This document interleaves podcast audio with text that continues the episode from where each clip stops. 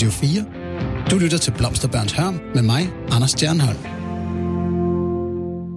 Og velkommen til Blomsterbørns Hørm, et samfundskritisk debatprogram, hvor vi måler og vejer hippietidens idéer for at finde de af dem, vi fortsat kan bruge i dag og i fremtiden til at gøre vores verden fredeligere, kærligere og federe. I dag skal vi drøfte ideen om, at stjerner og planeter påvirker vores små liv her på jorden og at vi ved at følge deres bevægelser og tolke på dem, kan forbedre disse liv. Det, der hedder astrologi. Hippierne tog til Nepal og Østen for at finde den bedste hash. Men kufferterne blev også fyldt med eksotiske indsigter om for eksempel buddhisme, meditation, yoga og astrologi. Stjernetyderkunsten havde ganske vist været i Danmark siden renaissancen, men med opblomstringen af fritænkning i 60'erne og 70'erne fik astrologien folkelige vinde i sejlene, og op gennem 80'erne og 90'erne steg populariteten drastisk. Til den grad, at vi nu kan læse planeternes betydning for vores dagligdag i formiddagsaviserne. Bør du købe en lotto Tjek lige side 42 BT først. Men er vi tiltrukket af astrologien, fordi himmellemmer vidderligt har indflydelse på vores personligheder og livsmuligheder, eller ser vi igennem fingre med den manglende evidens på grund af egocentri og narcissisme? Tager vi lidt let på kritisk tænkning, så længe noget handler om os selv? Mit navn er Anders Stjernholm, og jeg er jeres vært. Som du muligvis allerede kan høre på mig, så er der i dag tale om en af de idéer fra hippietiden, jeg ikke selv er stor fan af. Jeg er skeptisk og videnskabeligt anlagt, så jeg er ikke vild med, at analyser baseret på uforklarlige fænomener har indflydelse på menneskers liv. Om det så er Kristus, chakra eller stjernetegn. Men programmet her handler om alle progressive strømninger i og omkring hippietiden, ikke kun dem, jeg holder af. Så til at drøfte stjernernes magt over mennesket, og hvorvidt denne magt er reel eller ej, har jeg besøg af Henrik Bisbo, astrolog og rådgiver. Velkommen til, Henrik. Tak for det. Per Kjærgaard, forfatter til Astrologiens idehistorie, og altså en mand, der har kigget på, på astrologiens, astrologiens udvikling. Og så Claus Larsen, IT-konsulent og skeptiker. Yep. Velkommen til alle jer tre. Jo, tak. Tak, tak for det. Radio 4 taler med Danmark. Og lad os kigge lidt på, øh, hvad det her med astrologi øh, har, har betydet for jer, Henrik og Per. Øh, Henrik, hvordan opdagede du astrologien? Jeg opdagede astrologien, da jeg mødte min øh, fremtidige kone for 28 år siden. Øh, jeg var umiddelbart meget skeptisk, som de fleste mennesker er, når man bliver præsenteret for sådan noget. Men som nyforelsket mand, så øh, er man villig til at tro på hvad som helst. Så de første, de første par år det, gik det bare ind af det ene øre ud af det andet. I men, to år lige frem? Jamen, ja, det kan jeg ikke sådan nærmere huske, men et års tid eller to, var det ikke rigtig noget, jeg sådan lagde specielt meget vægt på. Men øh, efterhånden, som jeg, det viste sig, at, at, at det voksede i betydning og blev mere og mere interessant, så begyndte jeg så selv at studere det øh, mere og mere seriøst. Og det kulminerede så med, at jeg tilmeldte mig uh, The Faculty of Astrology Studies i London i 2003, og fik deres diplom i 2012. Okay, og det er jo alvor. Øh, hvad var nedslagene for dig undervejs? Hvad var det, der, der lige så stille overbeviste dig? Ja, der kom en række, en række øh, episoder og hvad skal man sige, strømninger, som, som min, øh, min fremtidige kone, der hun omtalte på en, med et andet sprog, end jeg var vant til, og, og med, en, med stor præcision faktisk. Ja. Og, og hendes mor var også involveret i astrologi, øh, og, og hun var også i stand til at sige en hel række ting om både mig og vores, øh, vores forhold, som, som ramte hovedet på sømmet. Kan du give os et eksempel? Et eller andet, hvor du virkelig tænkte? Eksempelvis, da min kone blev gravid, meget, meget uventet. Det havde hendes mor faktisk øh, noteret sig, øh, fik vi så konstateret, at det var en oplagt mulighed på det tidspunkt, og det var bestemt ikke planlagt. Nu er, nu er jeg nødt til at sige, at, at siden jeg var 20, 20 et halvt, der har min mor forudset, at jeg vil afle nogle børnebørn til hende på en altså årlig basis. Så, Men det her, det var her og nu. Altså, det var, det var, det var en one-off. Det, det, det var bare den ene gang, hun gjorde det, for hun havde heller ikke regnet med at skulle blive bedstemor. Okay. Øhm, per, du, har, du er ikke udøvende astrolog, øh, men man har forsket i det her. Hvad, hvad, hvad tiltræk dig ved astrologien? Jamen, det kan jeg ikke sådan sige på, på den måde. Jeg er jo uddannet astronom, og øh, astronomiens historie er jo nær knyttet til astrologien. Det var faktisk en og samme videnskab indtil op i renaissancen, hvor Tycho Brahe fungerede både som øh, astronom og astrolog.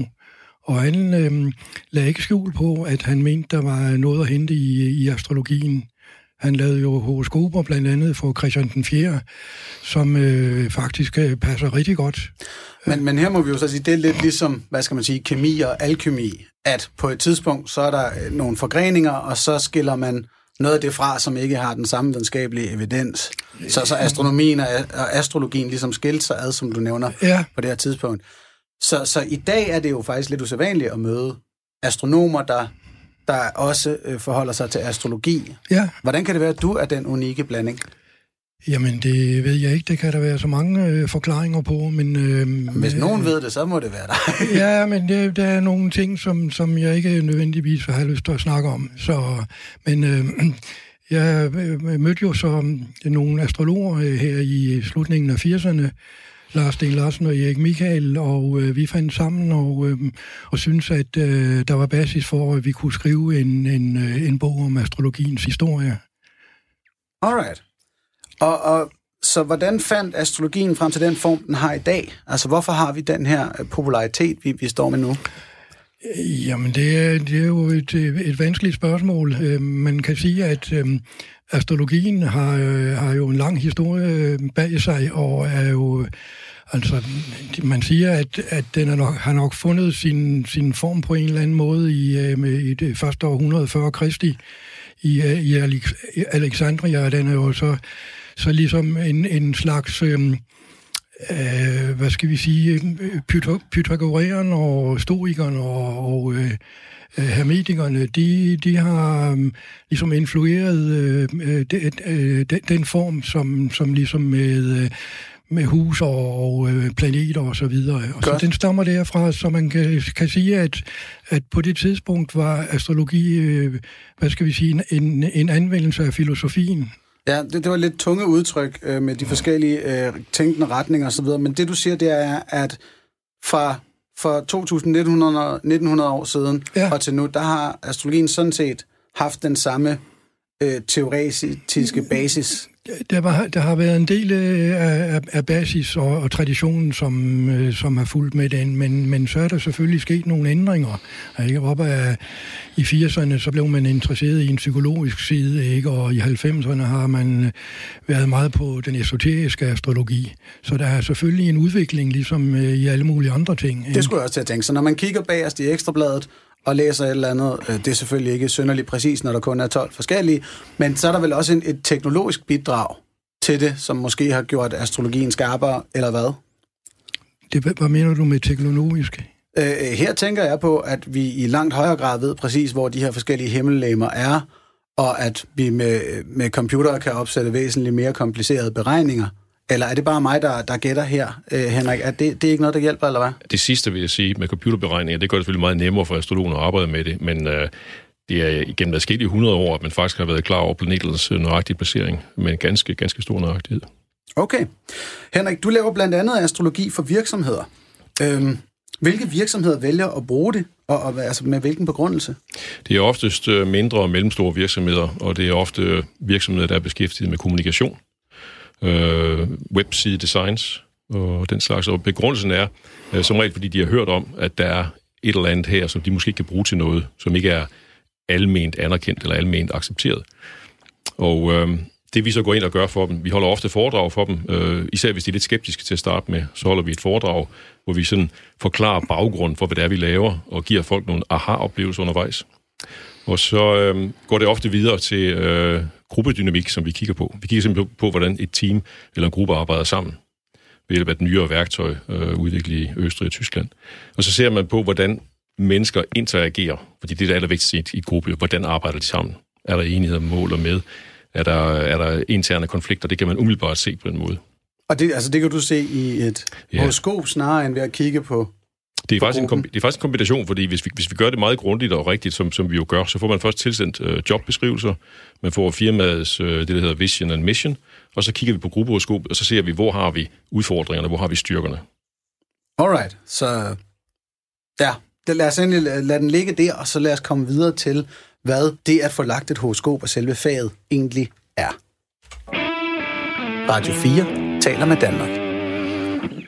For vi taler altså om astrologi i dag i Blomsterbørns Hørm, og til at starte med kan jeg da lige smide på bordet, hvad jeg ved, sådan så vi også får alle andre med. Vi har at gøre med, at man kigger op i himmelrummet og mener, at de forskellige himmellemers placeringer, når man for eksempel bliver født, kan have indflydelse på ens liv. Og her snakker vi om, at øh, himmelrummet bliver inddelt i 12 øh, dele, døbt efter forskellige stjernebilleder, Og så har vi selvfølgelig alle planeterne i vores solsystem, samt solen og månen, og så øh, Pluto som en lille særling, vi kan diskutere, men det er en planet i astrologien, så, gør, så vidt jeg forstår det. Plus, men, plus en lang række andre faktorer, ja, faktisk. Fix, okay. fix stjerner, asteroider og så videre kan man også arbejde med. Godt, det øh, dykker vi så øh, ned i.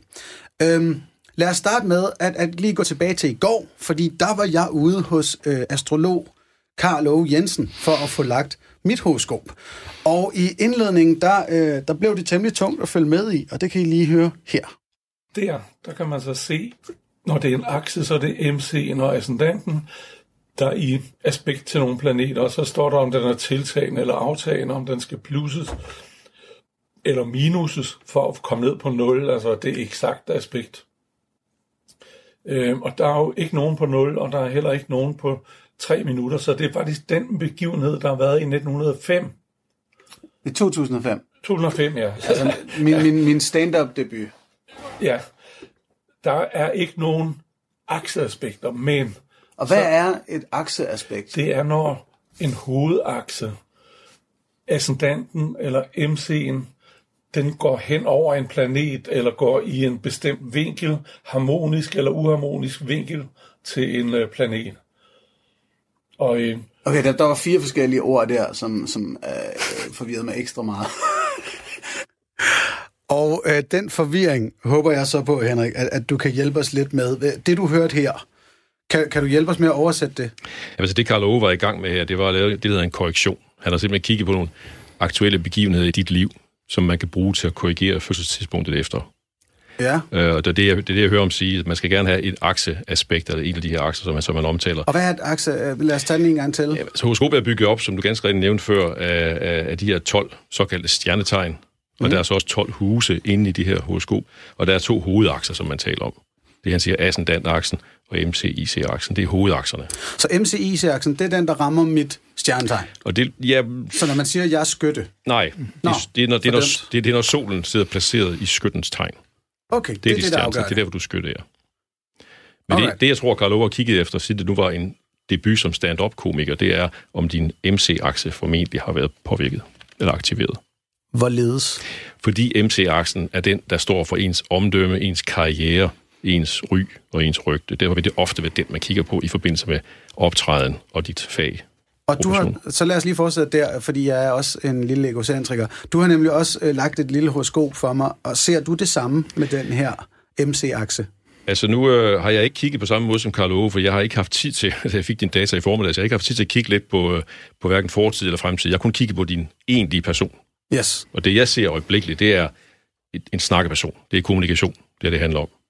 Alright. Øh, og, og det er ikke overraskende. At nu, nu, nu er jeg så ærlig vedgå, jeg har aldrig hørt eller set dig før, fordi vi kom hjem fra udlandet for ikke så længe siden. Så det, er en, jeg, det er en lille fordel. Du er helt ubeskrevet blad. det eneste, du ved nu om mig, det er, at jeg er øh, radiovært, øh, ja. og nu ved du så også, at jeg er komiker. Ja, og jeg, jeg vil sige, hvis du er komiker, så tror jeg, at du har øh, relativt nemt ved at bore ned i de ting, der ikke er så rare at snakke om for de fleste mennesker så sådan lidt forbudte ting måske, mm-hmm. og siger, siger nogle ting sådan øh, relativt hurtigt, som, øh, som kan gøre ondt på nogen, og måske også på dig selv i virkeligheden. Jeg fornemmer, at du bruger din egen baggrund til nogle af de ting, du laver grin med, øh, med dyb alvor bag, faktisk. Og når du siger fornemmer? Ja, det er når jeg fornemmer det baseret på det, jeg kan se her. Fordi et horoskop er jo ikke en evig sandhed. Et horoskop er jo baggrundsmateriale for en dialog mellem klient og astrolog. Okay, og så kan du fortælle os rent astrologisk, hvad fornemmelsen baseres på? Fornemmelsen baseres på, at du har en øh, planetoide, som det hedder, det hedder Chiron, der ligger lige over for din Merkur i skorpionen. Og en Merkur i skorpionen, det er sådan en, der godt kan lide at bore lidt ned, hvor det går ondt, og især snakke om det. Okay, og her snakker du en planetoid? Ja. Det vil sige et mindre himmellegeme derude, ja. Ja. som du også arbejder med i din ja. astrologi? Ja. Og, okay. den, og den har noget at gøre med din sårbarhed, noget af det, du har med dig fra dit barndom formentlig, hvor der er et eller andet, der har gjort ondt på dig, som stadigvæk går ondt, men det tror jeg, du bruger i din måde at optræde på. Ja vel. Nå, men øh, lytterne lytter ikke til det her program for at høre mig blive psykoanalyseret mere eller mindre astrologisk. Vi, vi arbejder til, til gengæld mere med, med, hvad det her fag så går ud på. Øhm, kan du hjælpe os her, Per, når du hører sådan en, en udredning? Ja. Øh, hvad tænker du så om, om faget og det, du forsker i her? Jamen, det, øhm, ja, altså, de der aktier kender jeg jo, altså ascendanten, det er jo det er jo hvad hedder det første øh, tegn, det er der, hvor, hvor, hvor solen står op, og, øh, og, og, og så det er jo nogle begreber, som man også har i astronomien. Så, så, så det der med øhm, azimut og zenit og alt det der, ikke, det, er jo, det er jo kendte begreber for mig. Ja, men det, at begreberne er kendte fra astronomien, til at man så bruger dem til at, at, at tyde eller tolke på vores personligheder eller levevis. Øhm, hvorfor er det spring overhovedet kommet? Fra blot at være en observation, altså man kan næsten tage David Hume og sige, det er sådan verdensrummet er. Hvordan ja. kan det så komme lige pludselig hen og sige noget normativt, hvordan noget bør være? Hvorfor er det kommet, det spring der? det er jo ikke noget, der er kommet på den måde, vel, men det er jo fordi, at vi dybest set jo øh, er, er, hører sammen med hele universet. Ikke? Der er den der sammenhæng, som man siger, for oven for neden, og, øh, og, og vi, vi er jo skabt af, af universelt øh, materiale. Ikke? Alle atomer i din krop har været inde i supernova, eller i universets begyndelse, eller alt muligt. Ikke? Og det, det er også en, jeg kan læne mig op af. Vi lavede stjernestøv. Ja. Men det men, betyder stadigvæk ikke, at der er en kosmisk sammenhæng. Nej, men, øh, øh, altså man kan jo man kan udtrykke det på mange måder, ikke? Men, men horoskopet er jo, det siger jo, det er jo, det, det er jo en, en beskrivelse af, hvordan universet er lige nu, lige i det tidspunkt. Øhm, og, og det er på den måde, at øh, men der ikke, øh, du sagde også noget med, at, at der er indflydelse, men, øh, men så begynder du allerede at snakke i sådan en, en, en videnskabelig, fysisk øh, sprogbrug, ikke? Fordi der behøver ikke være nogen indflydelse, der kan være en synkronicitet. Da universet var sådan og sådan, så, så, øh, så, var, øh, så var tiden sådan. Altså det er jo ligesom en timemarkør, som siger, i, i, i, i den her time, eller i det her øjeblik, der, er, der ser universet sådan ud. Og der har vi fat noget, fordi du siger ikke nødvendigvis en indflydelse, men Nej. en synkronicitet. Hvad ja. er forskellen? Jamen, der, der er altså en synkrositet, en, en, en, det, det, en indflydelse, det er, det er årsag og virkning, ikke? Ja. Synkronicitet, det er, det er, hvad skal vi sige, parallelle ting, der, der måske kører sammen i det øjeblik, øh, og, og, og derfor er der øh, et eller andet at komme efter. Men er det ikke en indflydelse? Nej, det er ikke det samme. En indflydelse, det er, øh, her har jeg en blyant, jeg slipper blyanten, den falder til jorden. Det er en indflydelse. Yes. Ja. Synkronicitet er noget andet noget. Det er, det er de der, som du sikkert også har oplevet selv, øh, en, en, en, en, en, en meget mærkelig, lige pludselig sammenhæng mellem, du går og, og tænker på en, øh, en kammerat, du har haft for, for, for 30 år siden, og så møder du ham øh, om Rundt det næste gade. Ja, ja, sådan noget, ikke? Øh, ja, ja, men det var det, jeg vil kalde et tilfælde. Ja, det kan du godt gøre, men det kunne, det kunne måske være, at der lå noget mere i det. Ikke? Måske var der, øhm, var der øhm, et eller andet, der talte til dig, eller du har gået og tumlet på et problem, som, som du så får berørt på den måde. Så okay. ja, okay. yes, yes, yes, yes, yes. Uh, uh, lad os prøve at springe videre til uh, den her uh, samtale, jeg havde i går med astrolog Carlo Jensen. Uh, fordi her, der bevæger han sig ud i noget helt andet end mig, og det vil jeg faktisk også gerne prøve at slå lidt ned på, hvad, hvad det her ellers kan. Og vi er i gang med at tale om, om Pluto og forudsigelser på det her tidspunkt. Så du siger, at, at Plutos placering i, hvad hedder det, dyrecirklen? Dyrkredsen, ja. Dyrkredsen ja. er øh, afgørende for, hvornår vi får øh, finanskriser. Ja. Så i 2023 ja, ja. og i midten af 2030'erne. 2023 til 24 er der en omkalfatring, og så er der 236 til 37, tror jeg. Midten af, lige over midten af 30'erne. Hvis der, der går tre år kæmpe før, krise. Okay, hvis der går tre år før næste krise, så øh, det, det er ja, en del af mine store, planer. Det skal gå hurtigere end det. Ja, men der er også nogle til, altså du ved, det kommer jo ikke øh, bare lige ud af ingenting, ligesom en sygdom. Det kalder man også akut. Ikke? Men det er jo bygget op over lang, lang, lang tid, altså helt fra fødslen. Og her der snakker vi næsten om jordens fødsel, eller universets fødsel, eller togsystemets fødsel, når vi snakker om det. Pluto er en planet, og jeg vil også give dig nogle nogle øh, du kan selv teste den af faktisk. Folk, det er interaktiv radio her, så folk kan selv teste den af og se, om den virker. Nu vil jeg komme med et profeti. Det er ganske vist lidt tillemmet, men det kan være to datoer, men nu gør vi det så nemt som muligt. Folk, der er født fra den 10. i første til den 15. i første, fra den 10. i 4. til den 15. i 4. og så lige sådan i 7. måned og i og i 10. måned, Altså fem, eller 10. til 15. i 7. og 10. til 15. i 10. Mm. Dem, der har fødselsdag, der uanset hvilket årstal, de har enten lige haft besøg af Pluto, står midt i det lige nu, eller skal lige til at begynde på det. Mm-hmm. Så der vil jeg sige til alle lytterne, at øh, der kan man tjekke, om astrologien virker. Det vil den gøre i 97 procent tilfælde. Og hvordan tjekke? Så der cutter jeg den af her. Altså det, øh, Carlo, han er ude i to forskellige ret spændende forudsigelser i mine øjne. Nemlig en finanskrise i 2023 til 24. Og det er jo, altså, hvis tilfælde af, at vi har lyttere til fælles med Millionærklubben, så er det jo temmelig spændende information. Øh, Henrik, hvis du kigger i, i stjernen som virksomhedsregiver, er det så også 23 til 24, du tænker? Altså, jeg er ikke finansastrolog og beskæftiger mig stort set ikke med det, vil jeg sige. Okay. Men jeg har på en, på en nylig konference i Zürich hørt en, en meget øh, anerkendt amerikansk astrolog og finansmand, som var inde på noget af det samme. Han ligger den måske lidt tidligere end 23, men det er ikke helt skævt. Ja, du sagde 21, inden ja, vi gik i gang. Altså, markedet topper, siger han, mellem nu og 21. Så, men derfor kan krisen godt komme lidt senere, så det er ikke helt skævt. Øh, ja vel. Og hvorfor er det, at Pluto har den her effekt? Altså man siger jo traditionelt, at Pluto øh, er opbryderplaneten. Øh, siden den trådte ind i det der Stenbukkens tegn i 2008, har vi haft finanskrise, vi har haft masser af skandaler i det offentlige og i erhvervsliv. Så det, man siger, det er, at Pluto går ind og rydder op i alt det snavs, der ligger og roder i, øh, under overfladen. Og hvordan har Pluto fået den betydning? Det er en betydning, man er blevet enige om, simpelthen på øh, nærmest momentant og universelt. Øh, det er sket nok, fordi øh, astrologer arbejder ikke nødvendigvis sammen øh, universelt, men betydningen af Pluto er opstået øh, næsten spontant faktisk, så tra- har traditionen udviklet sig siden den blev opdaget i 1930. Og navnet Pluto hentyder også til dødsriget, det er Hades, ikke? Det er der, navnet kommer fra. Men nej, den kunne jo lige så godt være kommet til at hedde planeten Preben. Men det gjorde den ikke. Og det har også betydning. Det kan man diskutere, men den kom ikke til Preben, den kom til Pluto. Okay. Ligesom Neptun kom til Neptun og yes. Uranus, Uranus. Vil det sige, at astrologien altid har arbejdet med, at planeterne havde navne efter, øh, de, er det romerske? Det har, det, det har astronomien jo også. Det er astronomien, der, der, der, der, der navngiver planeterne. Det er ikke astrologien jo. Nå, ja, okay, nå, men det vil bare sige, hvis ja. nogen opererede med andre navne, så ville de egentlig ikke kunne gøre det her.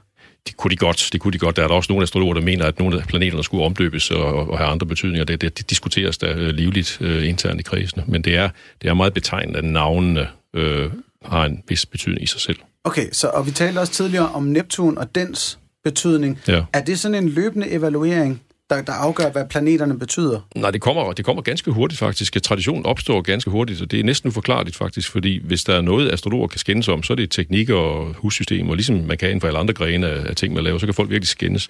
Her er der ikke meget uenighed faktisk om, hvad, hvad, hvad de symboliserer, og det er det, der er vigtigt, hvad de symboliserer. Det er lidt interessant. Hvorfor er der ikke større uenighed om lige netop det aspekt, Per? Ja, men altså man kan sige, at øh, øh, øh, de gamle planeter, til og med Saturn, øh, der har egenskaberne sådan været, været sådan under udvikling fra babylonerne og, og, og fra grækerne, hvor man så er inde på, nogen, øh, på nogenlunde øh, det samme som i dag. Og så er der jo kommet de der to ekstra planeter til, nemlig Uranus og, og Neptun. Og, øh, og, og jeg tror, det, det er lidt det samme, som du siger, Henrik, at, at, at det er jo ikke, det, det er ikke tilfældigt med de navne, de får, vel?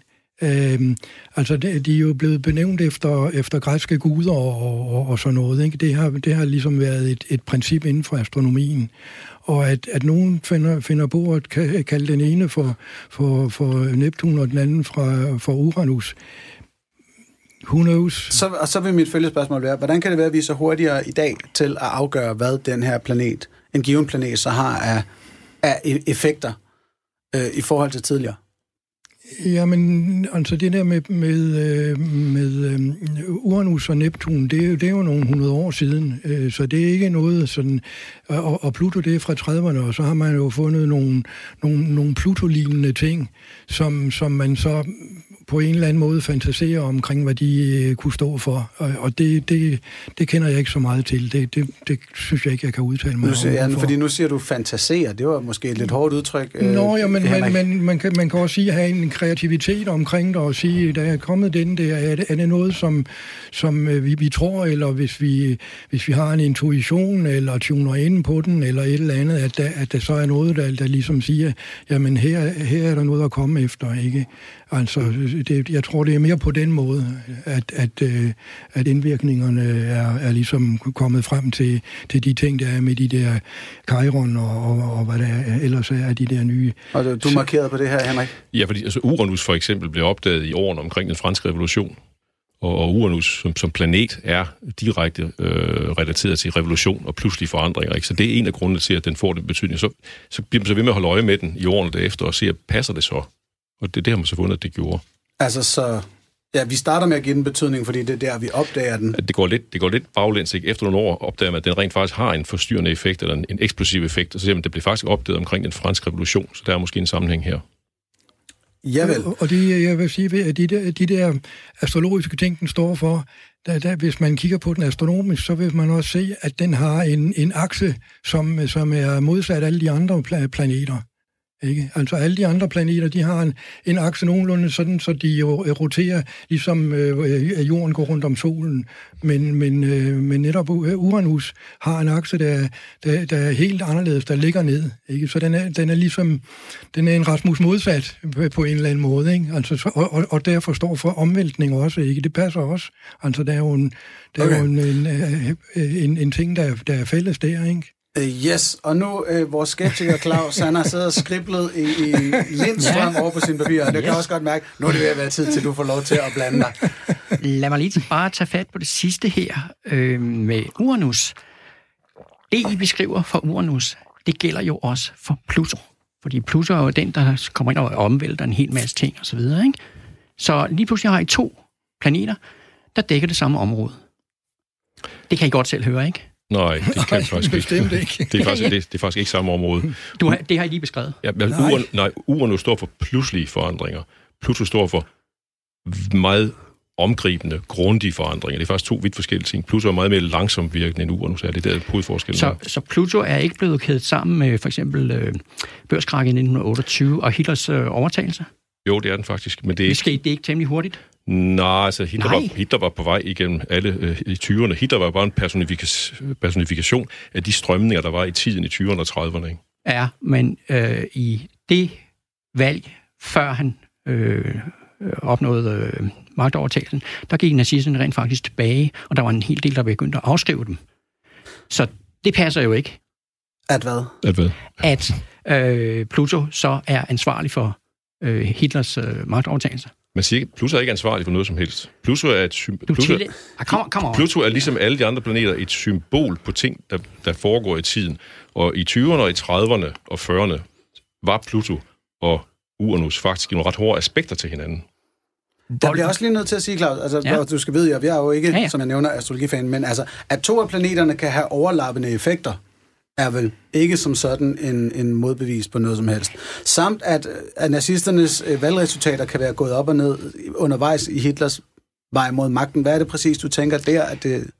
Jeg tænker, at hvis man tillægger for eksempel Pluto alle de her ting, der sker, øh, både før den bliver opdaget, det, øh, børskrakket kommer jo i 1929, og Hitlers øh, magtovertagelse kommer i 1933 januar. Hvor lang tid skal der egentlig gå, før Pluto holder op med at være ansvarlig, eller hvordan du nu tager symbol påvirke, for, eller... påvirke øh, må vi sige påvirker? Er det det rigtige ord? Nej, det påvirker faktisk ikke. Det symboliserer den tid, øh, hvor, hvor det her det skete. Og man er nødt til at understrege, at man kan ikke lægge alting op på én planet. Altså, nu har vi så en planet, der pludselig er afgørende for alle verdens finanskriser. Der er jo en lang række andre faktorer, man er nødt til at tage hensyn til. Og det kræver faktisk detaljeret viden om finansmarkedet. Man er nødt til at vide, hvad finansmarkedet er, hvordan de virker. Så kigger man på horoskopet på alle faktorer, ikke kun på Pluto, ikke kun på Uranus, men man ser på hele horoskopet på den tid. Så hvis man skal analysere nazisternes øh, øh fremmarsch i Tyskland i 30'erne, så skal man også kigge på den politiske historie og økonomien Selvfølgelig. gang, samt alle himmellemmernes placering. Selvfølgelig, men der er nogen, der er mere afgørende end andre, eller mere symboliserer bedre end andre gør, vil jeg sige. Hvordan, hvordan øh, undgår du så confirmation bias? Jamen, det er også vanskeligt. Det er en af astrologiens svagheder. Det er vanskeligt. Og det, det kommer så, vi ind på. Jeg stopper lige, yes. lige om lidt, hvor vi nemlig lige skal have et ordentligt nedslag, så vi ved, at nu taler vi om, om problemerne her. Radio 4 taler med Danmark. Fordi nu har vi jo så sluppet vores øh, skeptiker Claus Larsen fri. Og, og Claus, du har siddet og noteret, som jeg har nævnt, og nu er vi nede i det her med confirmation bias, altså en bias, man har i sig, når først man har et givet standpunkt, mm-hmm. lad os sige, man er pro-vacciner eller imod vacciner, så vil man fortrinsvis foretrække at læse forskning, der understøtter ens argument om, at vacciner henholdsvis virker eller ikke gør. Og du var så inde på, Claus, omkring confirmation bias og astrologi. Vil du uddybe din, din, din, ja, din tankegang her? altså som øh, Henrik jo giver klart udtryk for, så er det jo et af astrologiens svagheder, at man ikke rigtig kan øh, gardere sig mod confirmation bias, som det jo så er kommet til at hedde i dansk, på dansk. Men det betyder også, at astrologien jo mister sin berettigelse, fordi hvad skal man så med astrologien? Nej, men det var vel lidt hårdt sagt her. Altså, de fleste fag opererer med confirmation bias. Ja, men øh, der skal man jo gøre sit bedste for at undgå det. Lige så snart man opdager, at hov, man hælder lige lovlig meget til en side, så skal man gøre noget for at undgå og, og er det. dit argument så her, at astrologer ikke gør nok for at undgå Det, det kan de jo så bias? ikke. Det kan de jo så ikke. Hvordan ikke det? Fordi de, de, Ja, Henrik, vil, ja, vil du kom, øh, ind? kom bare. Jeg, jeg vil sige, for, for det første, som du nævner, confirmation bias har man i alle discipliner. Mm. I alle discipliner. Selvom jeg holder fast i, at jeg ikke betragter astrologi som en videnskab, så er det dog muligt at påvise, ikke bevise, vi kan ikke bevise astrologien, vi kan påvise en lang række ting inden for astrologien. Og det, der sker med det omvendte af confirmation bias, det er, når man har eksperimenter og forsøg med astrologien, der påviser sammenhænge, så vil videnskabsmænd gøre hvad som helst for at forsøge at modbevise dem. Ja, lykkes- det er jo selve den videnskabelige disciplin. Ja, ja, det er jo ikke kun et disciplin at skulle modbevise. Man skal også prøve at finde, at der er evidens for det, der rent faktisk bliver fremført. Nå, okay, jeg, jeg tænkte her, du mente... altså, Ja, og der, der har man det klassiske eksempel med Gauguins Mars-effekt, som yes. aldrig er blevet imødegået. Det blev den, faktisk havde den skeptiske organisation, der forsøgte at teste den. Lad os, øh, det virker som om, her har I begge to noget, I holder af. Gauguins Mars. Effekt, som, som er Effekt. en af hans effekter, ja. Vil du fortælle os, hvad det er, Henrik? Gauguin var en psykolog og statistiker, franskmand, som i 50'erne samlede afskillige tusind horoskoper for at se, om der var en sammenhæng med folks øh, erhverv og, og folks øh, øh, professioner faktisk ikke. Og det han fandt øh, mest tydeligt, der var en række ting, han fandt.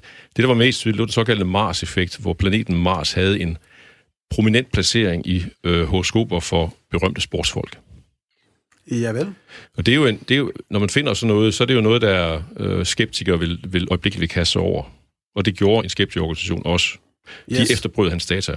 Og skal vi høre... Nej, jeg vil godt lige være, være Nå, færdig, okay. fordi det der, skete, det, der skete, da de efterprøvede for at modbevise, var, at de fandt, at det passede. De fandt med andre ord nøjagtig samme effekt. Og det gik så vidt, som faktisk til næsten at forfalske deres resultater. De blev nemlig ved med at sortere i data, indtil, indtil det passede med, at det, at det ikke kunne passe. Ja vel. Sådan en, en omvendt medicinalvirksomhed. Det kan du sige, ja.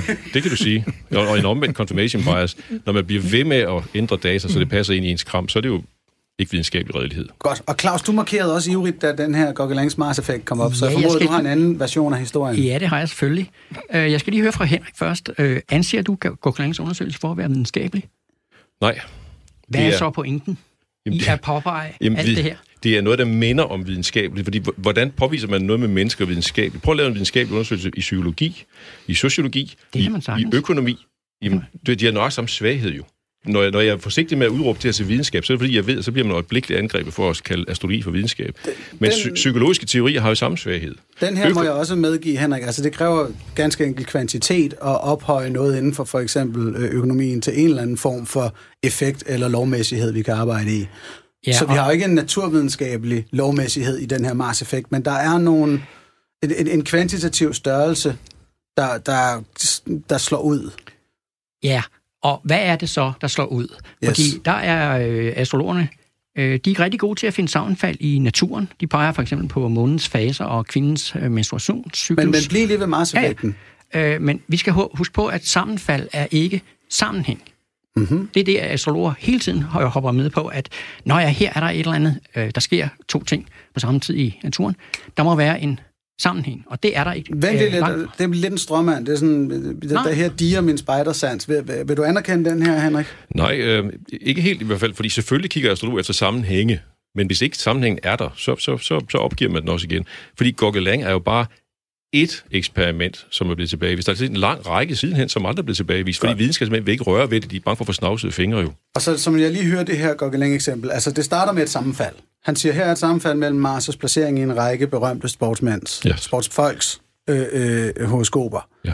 Og derfra går man så hen og siger, her kunne være en sammenhæng. Ja. Er det rigtigt udlagt? Ja.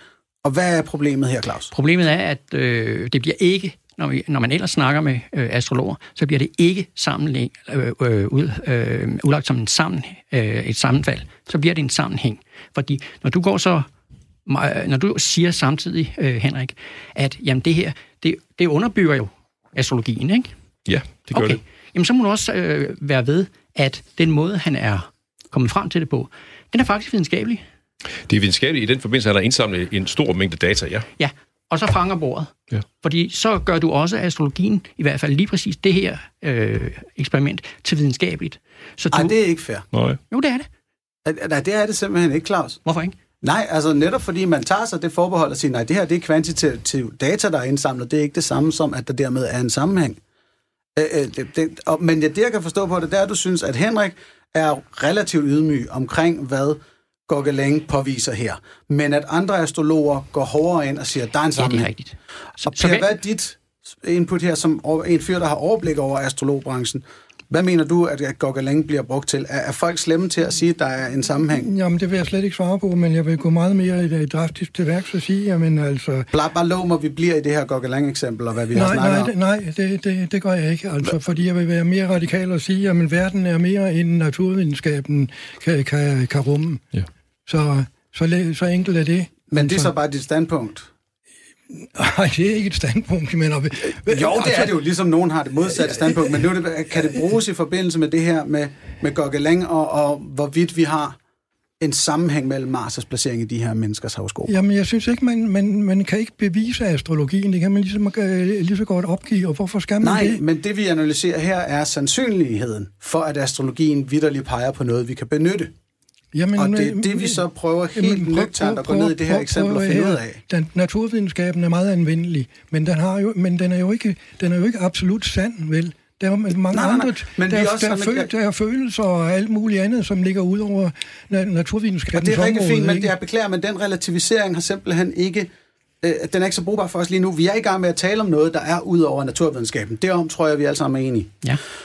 Og det vi så prøver at kigge på nu, det er, hvorledes den her, det her sprog, eller hvad vi skal kalde astrologien, en videnstradition, kaldte du den, inden vi startede, Henrik, om den har, på grund af disse sammenfald, sammenfald noget, vi kan bruge til noget. Er det her en idé, vi skal til at gøre, gøre mere ud af? Og vi taler om Gauguins Mars-effekt, øhm, og vi kom så fra det her med, går astrologer ind og siger, at der er en sammenhæng, eller siger de, der er indledningsvis et sammenfald, som måske kan tyde på en sammenhæng, som vi måske kan bruge til noget. Hvis de gør det, så er det jo op til astrologerne at prøve at finde øh, studier, der replikerer de her øh, Gauguins øh, resultater. Yes! Og det kan man så sige, at det har astrologerne ikke været synderligt interesseret i. Jeg har endnu ikke set nogen forsøg på det. Det kan godt være, øh, der er, men hvis der har været forsøg, så er de i hvert fald ikke lykkedes. Jamen, Det- fordi det her vil jeg jo elske. Jeg er en type, der går op i for eksempel øh, amerikansk fodbold, hvor man jo måler og vejer de unge Alt. talenters, og de måler, om de bruger kontaktlinser eller har Alt. ADHD og så videre. Måler dem i hovedrøv. Og hvis man vildt kunne komme hen og sige, jamen hey, han har Mars lige præcis der, hvor den skal være. Mm. Øh, så ham her, han bliver en stjerne. Du markerer, mens jeg siger det her, Henrik. Er, er der noget, der minder om det? Jeg har, jeg har tre ting, jeg gerne vil sige her. For det første, en af grundene til, at astrologerne ikke var så villige til at diskutere Gauguin, var, at noget af det, han fandt, var ikke lige, eller var ikke i, uh, i flugt med den astrologiske tradition. Nemlig. Placeringen var lidt anderledes, men dog meget markante. Det var en ting.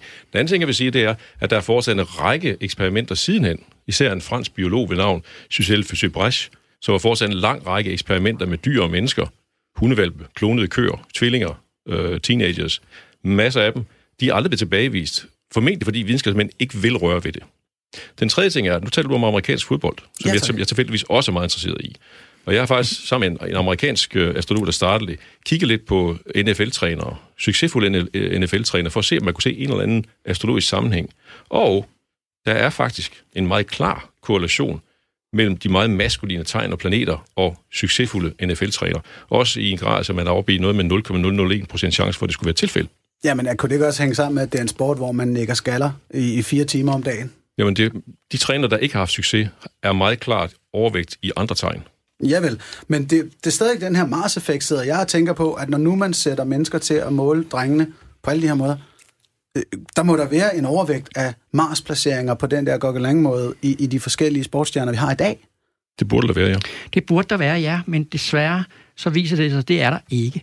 Fordi der er to problemer, som jeg har taget med her i dag, med Gokkelangs øh, undersøgelse. Det er, at han havde ikke adgang til information om fejlrapportering om fødsels, af fødselsdata. Jeg siger ikke, at der af fødselsdata var fejlbehæftet. Han havde bare ikke adgang til det. her det er før 1950. Der var ikke noget, der hed internet. Det var ret svært at finde data. Det tog ham er 100 år en madpakke at finde de her øh, nødvendige data. For det andet så er Google Langs data fra før 1950, men resultatet har ikke kunnet genskabes med nyere fødselsdata. Så der er et eller andet her. Altså, øh, Google Langs øh, resultater, øh, han fandt en lille, men statistisk signifikant overrepræsentation af elitesportsfolk. Men hvis vi ikke kan replikere resultatet, jamen så det er årsagen til, at videnskabsfolk, som du udtrykker det, ikke vil røre ved det. Fordi hvis, hvis vi ikke kan finde noget, altså hvis vi ikke kan gentage det... Og siger du her, Claus, at der er nogen, der har forsøgt? Ja, det er der. Og vi kan, de, de kan ikke finde det efter 1950. Så der sker et eller andet. Der er et eller andet galt med de her data.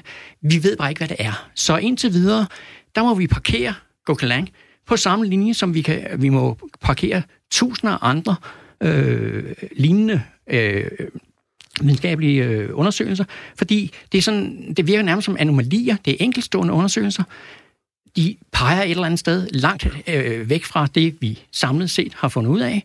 Så hvad gør man ved det?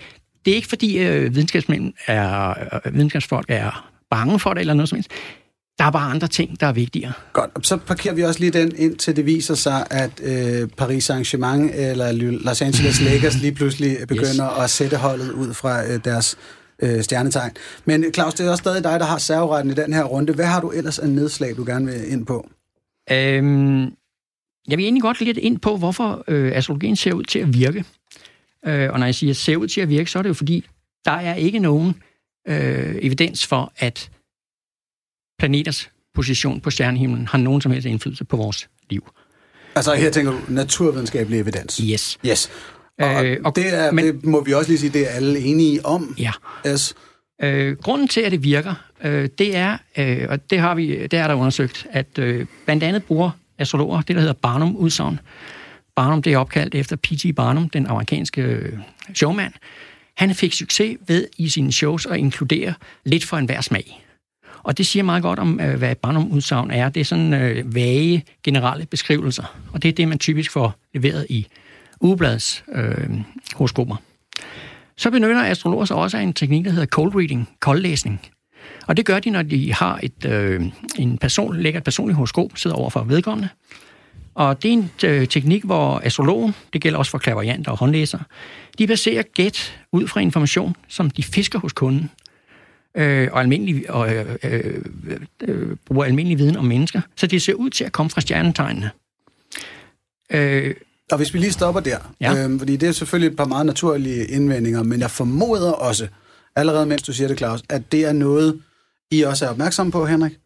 Og hvordan arbejder man aktivt for at undgå det? Det er klart, det, det er to af de ældste krikker og trækker stallen, selvfølgelig som argument mod astrologien, fordi det, det, har man, det har man altid sagt jo ikke. Mm. Øh, nu synes jeg, vi skal skelne mellem ugebladshoroskop og så en personlig konsultation, ikke? for der, der, der indgår et langt større analysearbejde i en, uh, i en personlig konsultation. Det er fuldstændig korrekt, at man er nødt til at få klienten til at snakke, jo, fordi hvilken astrolog kan sidde med et horoskop foran sig og fremlægge en persons liv for vedkommende? Der er jo 7,6 milliarder forskellige horoskoper i verden. Et for hver eneste person, der er født. Medmindre man er født i den samme seng i samme sekund. Så er der et horoskop til hver. Den livshistorie, der ligger bag et menneske, kan ingen astrolog sidde og, og, og analysere sig frem til i detaljer. Det afhænger af, om du er født som søn af en millionær, eller du er født nede i Kongo, ludfattig. Der er en lang række forskelle, men de helt grundlæggende, det man kalder arketypiske energier, det er dem, man skal have fat i. Men det er personen selv, der er nødt til at udfylde detaljerne. Og så har man en samtale frem og tilbage. Meget lig, kan man sige, hvis man har en, en, øh, en konsultation hos en psykolog. En astrolog påstår ikke, at nu kan jeg fortælle lige nøjagtigt, hvad der sker i morgen. Kæden falder af cyklen osv. Sådan, sådan virker astrologien ikke. Astrologien er et værktøj til at lære sig selv bedre at kende, til at udvikle sig og til at se dynamikker øh, for en selv og i forhold til omverdenen. Men hvordan undgår du så at cold read folk? Jamen, Det kan du heller ikke, Du, und, du undgår ikke at cold read, men du, Nej, nu, nu, men- nu, nu, kan, nu kan du det cold read. Altså det, man Det gør, er det, det er. man, man møder op som astrolog med et meget grundigt forarbejde, og så sidder man og taler med klienten og siger, det jeg ser her, hvordan, hvordan har det manifesteret sig? Og så prøver man så at finde ud af, ud fra det kan man så arbejde sig ind til, hvad er det personen, der som sidder over for en lige nu, slås med? Hvor er det, vi er hen i livet, og så videre. Ja, og der er det lige præcis, altså jeg kan så forstå på dig, at du ikke anerkender, at du er cold reader. Men når vi ser på, hvordan øh, astrologer rent faktisk lægger horoskoper for folk, så bruger de blandt andet, de bruger også andre teknikker, men de bruger blandt andet cold reading teknikker. Og i det øjeblik, man begynder at bruge teknikker, hvor man får information ud fra, øh, fra det, som folk fortæller, samtidig med, at man øh, prøver at, at bruge det, som man øh, ved generelt gælder for folk, jamen så kan man ikke længere påstå, at det er at øh, den der symbolik, eller hvad man nu vil kalde det, den kommer fra planeterne og stjernerne. Fordi så, øh, så må vi, øh, så er det Ockhams ravkniv, der kommer til at gælde. Ockhams ravkniv, det er jo den, der siger, at hvis man har to mulige forklaringer, så skal man vælge den, der har færrest antagelser. Og i det her tilfælde konkrete, jamen der må vi vælge den forklaring, der hedder astrologer, de cold reader. Fordi den anden antagelse, den antager nemlig, at astrologien er sand. Og det må man sige er en meget ekstraordinær påstand. Men her skal vi så også passe på med ikke at bruge øh, Occam's Razor som et lighedstegn. Ej, det er rigtigt. Øh, Ockhams ra- ravkniv, øh, det fortæller os ikke, hvilken forklaring, der er sand, men det er den, der er mest plausibel. Og hvad sker der så? Jamen, så venter vi indtil der kommer øh, flere beviser, og så er vi over i videnskabens verden. Så her ligger I sådan simpelthen bare lidt på hver jeres vogn. I, I anerkender, at der er noget øh, menneskeligt analyserende i at sidde over for nogen nøjagtigt som en psykologsamtale, og du siger så, Henrik, at astrologen har så det her ekstra værktøj.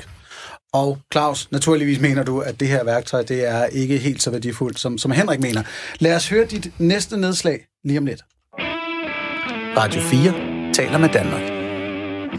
Og i dag taler vi om astrologi.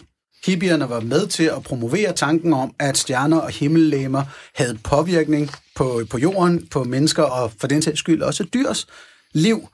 Og er det så noget, vi skal bruge i en større, øh, i større omfang, nøjagtigt som vi faktisk gør, i hvert fald hvis man læser Damebladet, det drøfter vi i studiet. Øh, og Claus Larsen, vores skeptiker, du er stadig i gang øh, med at save i den her runde. Hvad har du ellers af nedslag, som, som du hørte her fra, fra de to andre? Ja, jeg kiggede på Henrik Bisbos øh, hjemmeside, øh, hvor han meget kort beskriver, hvad han egentlig gør ved en personlig konsultation.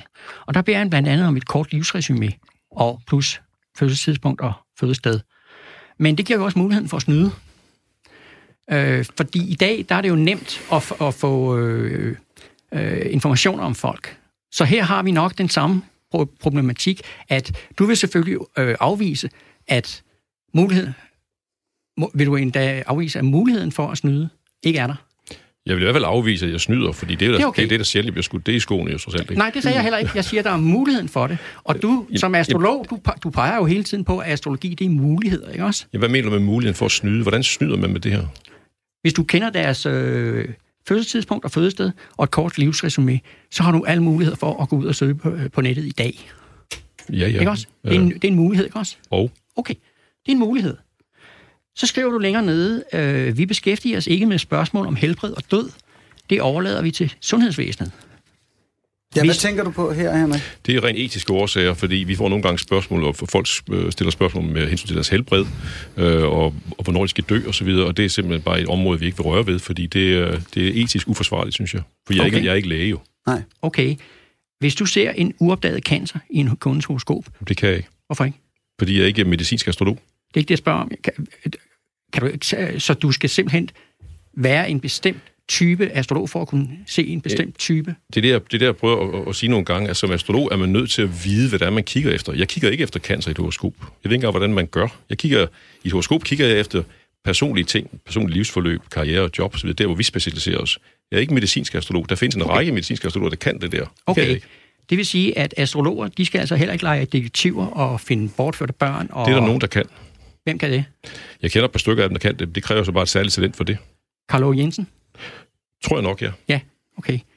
Der vil jeg godt lige... Øh, der skal vi lige have Nej, der vil jeg sige, at det, det er ikke Henriks opgave at forsvare Karl Ove. Det, det kan vi ikke øh, pålægge okay. ham. Fair nok. Er der et sidste nedslag, vi skal igennem, Claus?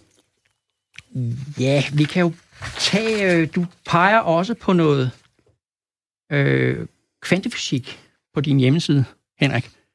Øh, Jeg, Ja. næv, jeg nævner kvantefysik, øh, fordi det er en mulig øh, videnskabelig forklaring en gang ude i fremtiden. Øh, også fordi det er interessant, hvad man øh, allerede så i oldtiden, at der er øh, sammenhæng i tingene, som, som Per meget grundigt har beskrevet. Og man siger for eksempel et sted i oldtiden, jeg tror, det er den bog, I har skrevet, Per, at når to ting en gang har været i forbindelse med hinanden, så er de for evigt forbundet. Ikke? Ligesom man konstaterer inden for kvantefysikken, at to partikler, der har været i forbindelse med hinanden, derefter reagerer spontant på hinanden, uafhængig af tid og rum. Og det er bare en, en mulig forklaring. Så, så du Jamen- siger, altså simpelthen den effekt, stjerner og himmellemmer har, øh, astrologisk, som vi lige nu overhovedet ikke aner, hvad er, til den er uden for naturvidenskabens domæne, som Per også har været inde på, den kan rent faktisk komme inden for Det kunne, det naturvidenskabens kunne være, domæne. ja. Det kunne være, ja. men gør det Hvis så? nu hypotesen om kvantefysik og, holder. Ja. Jamen, det, er jo, altså, det, det, han refererer til, er, er, er den der øh, specielle effekt, som, som øh, var en diskussion med Bohr og Einstein, ikke? At når man har en... øh, Øh, hvis der bliver skabt øh, to elektroner på én gang, så ved man, at, at de har modsat spin. Mm. Øh, og hvis, det, hvis man så sender dem afsted øh, her gigabyte øh, ude i, øh, i, i universet, og den anden den modsatte vej, og man måler på den ene og finder ud af, at, at den har spin øh, op, så vil øh, den anden øh, au- automatisk få spin down, selvom der ikke er nogen tidslig forbindelse. Det, det er umuligt mm. at sende et signal. Mm-hmm. Yes. Så, så, så det vil sige også, at, at øhm, et brintatom i din krop, Mm-hmm. den kan godt høre sammen med en brintatom i, i, i, i en 17. galakse et eller andet Yes. sted. Problemet Så med der er, det... ja, nej, nej, for, for, så der er, en, der er også en fysisk sammenhæng, som, øh, som, kan, øh, som på en eller anden måde øh, kan forklare, at der, er, at der er nogle ting, som ser ud som, som årsagssammenhænge, men som, som, som trodser det der med årsagssammenhænge. Ikke? Men, ja, men, men lige på nær, og det er jo der, hvor en, en, en skeptikers hjerte banker, det er chancen for, at noget af det her helt vilde rent faktisk kunne komme til at komme inden for den naturalistiske sfære. Jeg formoder, det er også der, du, du mm-hmm. er på vej hen, Lars, at, at Claus, at det er det, der gør os så spændte. Men fortsæt lige dit, uh, din tankestrøm. Altså, hvis astrologer vil bruge det argument, det, det er det, man kalder kvante- kvantemekanisk sammenfiltring, så er de også nødt til at inkludere alle himmellegemer. Øh, fordi hvis afstand er ligegyldig, og størrelse på øh, øh, himmellegemet er ligegyldigt, jamen så skal de også øh, øh, inkludere alle fire, fire dværgplaneter, 150.000 øh, asteroider og over 4.000 eksoplaneter. Det er de planeter, der ligger, der har fundet uden for vores øh, solsystem. okay. Men det gør de jo ikke.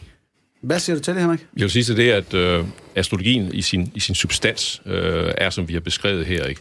Hvis man lægger flere øh, himmellemmer og siger, det er der mange astrologer, der gør. Både mm-hmm. de fire planetoide domæner, der er asteroider osv. Øh, især mange amerikanere, der, der, der ligger mange lag ovenpå. I min verden er det bare ekstra tydningslag oven på det grundlæggende, vi har i vores eget solsystem. Det er faktisk nok til, at man kan lave en meningsfuld tydning. Man kan så putte ekstra lag på, og man kan inkludere ting, hvis det er helt specielle ting, man kigger efter. Så kan man inkludere nogle specifikke asteroider, nogle arbejder med fikstjerner osv. Så, videre. så det gør man faktisk. Men det finder, det, jeg finder bare ikke, det er nødvendigt, fordi vi har rigeligt, som vi har. Nu kan jeg lige... I mit horoskop, der blandede du den her. Chiron, ja. Chiron, øh, Ja. og hvad var det for en himmellemme igen? Det var... Merkur. Chiron var en planetoide, ja. Nå, planetoid. Okay, så du har rent faktisk taget lidt ekstra Ja. ind i det.